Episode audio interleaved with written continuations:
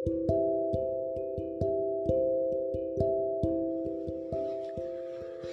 kawan kuda, apa kabar kalian?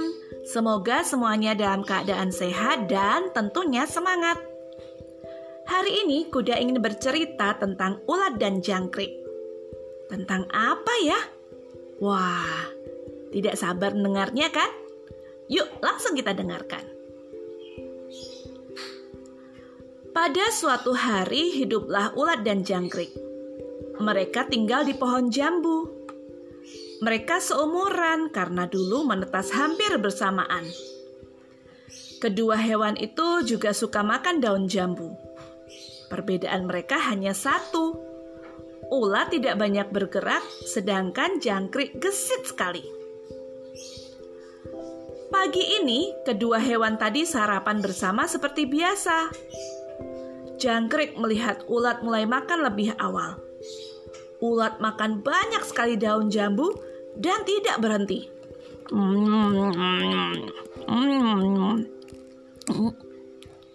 Jangkrik berkata, "Lat, ulat, kamu makan terus dari tadi. Apa kamu tidak punya rasa kenyang?" Ulat tersenyum sambil menjawab,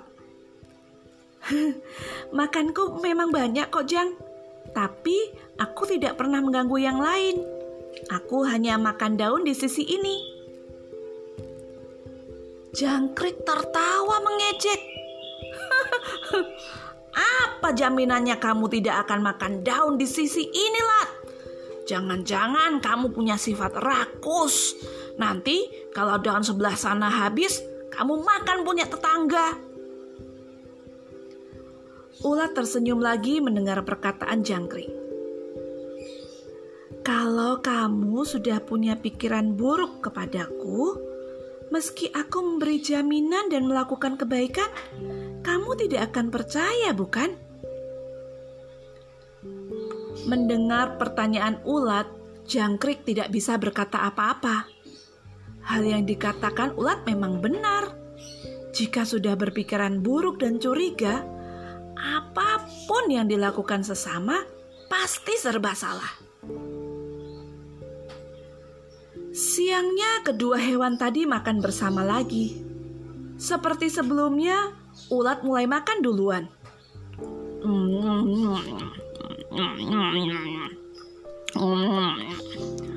Tubuhnya semakin gemuk. Gerakannya semakin lamban. Namun, makannya semakin cepat.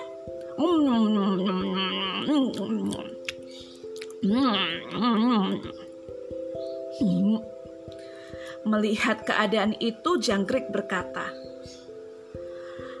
Astaga, lat, ulat. Lihatlah badanmu itu. Gemuknya tidak karuan, tapi kamu tidak berhenti makan. Mau jadi apa menjawab, Jang, semua yang kulakukan ada tujuannya aku tidak pernah mengganggu hidup dan penghidupan orang lain. Terima kasih atas perhatianmu. Tapi sekali lagi kutegaskan, semua yang kulakukan ada tujuannya. Mendengar itu jangkrik marah. Terserahlah, nanti kalau terjadi sesuatu jangan minta tolong. Hari berikutnya jangkrik mencari ulat. Namun, jangkrik hanya menemukan sebentuk kepompong yang menggantung di salah satu cabang pohon jambu. Nah, benar kan? teriak jangkrik. Karena kebanyakan makan, ulat berubah jadi kepompong. Sekarang ulat tidak bisa bergerak karena kekenyangan. Diberitahu tapi tidak mau mendengarkan sih. Sementara jangkrik menggerutu, dia melihat kepompong bergerak-gerak. Mendadak, kepompong itu sobek menjadi dua tepat di tengah. Ya Tuhan! Jangkrik berteriak lagi.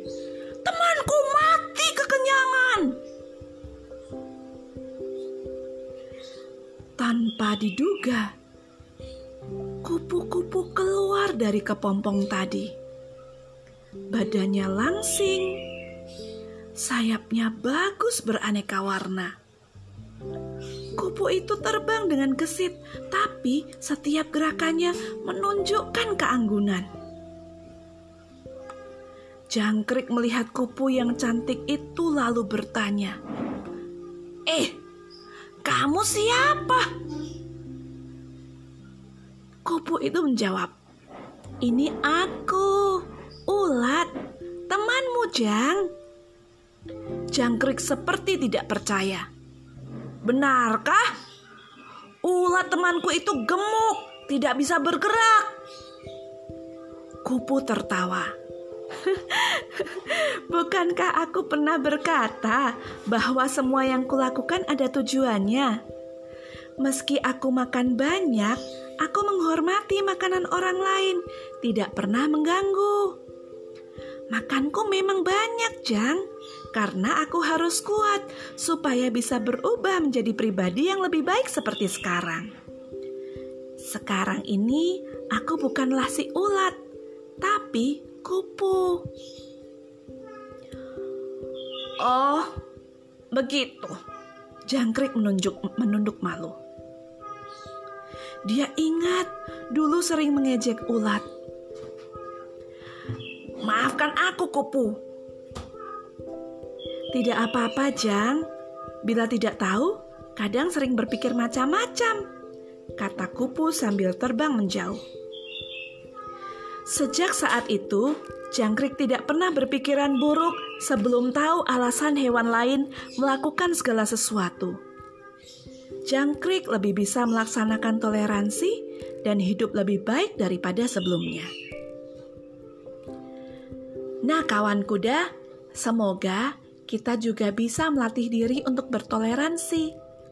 Tidak berpikiran buruk sebelum kita benar-benar tahu apa alasan orang lain berbuat atau melakukan segala sesuatu. Hormati juga pilihan orang lain. Semoga kita semua selalu sehat dan bahagia. Sampai bertemu lagi pada cerita kuda berikutnya. Dah kawan kuda.